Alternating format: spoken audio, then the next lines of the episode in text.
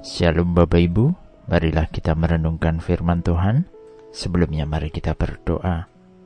Tuhan kami rindu untuk merenungkan firman-Mu setiap hari. Di dalam Tuhan Yesus, kami mohon pertolongan dan kami berdoa. Amin. Bacaan saat ini diambil dari 2 Korintus 5 ayat 19. 2 Korintus 5 ayat 19. Sebab Allah mendamaikan dunia dengan dirinya oleh Kristus dengan tidak memperhitungkan pelanggaran mereka. Ia telah mempercayakan berita pendamaian itu kepada kami. Pengampunan bagi manusia adalah hal yang sukar untuk dilakukan, sementara mendendam, perasaan amarah, jengkel, benci sangatlah mudah dan sanggup bertahan lama dalam diri manusia. Itulah hal yang diinginkan dunia terhadap kita manusia. Kita diajak untuk tidak memiliki kasih dan pengampunan.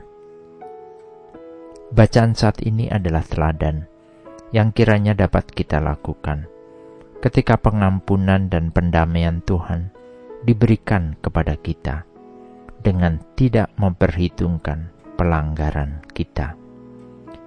Kasih Tuhan sungguh luar biasa. Kita yang tidak layak dilayakkannya. Kita yang tidak terampuni salah dan dosa kita. Tidak diperhitungkan lagi kesalahan kita. Hal ini berlaku bagi kita yang percaya kepada Kristus sebagai Tuhan dan Juru Selamat. Kristus yang mengambil rupa manusia dan rela mati disalibkan untuk ganti dosa kita. Kita yang memiliki iman percaya kepadanya, dihapuskanlah dosa kita. Kristus adalah sumber kehidupan kekal bagi semua orang yang mau percaya kepadanya. Dan dia diutus oleh Bapa untuk memberikan nyawanya sebagai tebusan harga untuk dosa kita sama seperti Yesus yang mendamaikan kita yang percaya.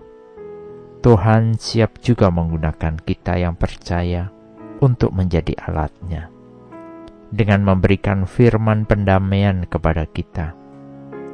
Semoga kita siap dan bersedia untuk bersaksi kepada dunia, sehingga orang-orang berdosa yang terhilang dapat diperdamaikan dengan Tuhan dan kembali ke dalam persekutuan dengan Bapa surgawi kita.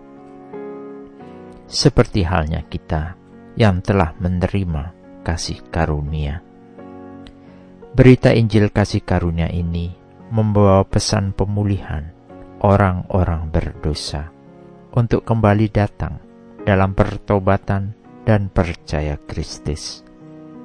Harga dosa telah dibayar di dalam Kristus, dunia telah diperdamaikannya dengan dirinya. Amin. Mari kita berdoa. Bapak Surgawi, terima kasih karena di dalam Kristus kami diperdamaikan kembali dengan Tuhan. Kiranya kami mampu mengenakan kebenaran Tuhan di dalam hidup kami. Pakailah kami juga untuk menyebarkan berita kasih Tuhan kepada semua orang, sehingga semakin banyak orang dapat diperdamaikan dengan Tuhan. Di dalam nama Tuhan Yesus, kami berdoa. Amin. Tuhan Yesus memberkati. Shalom.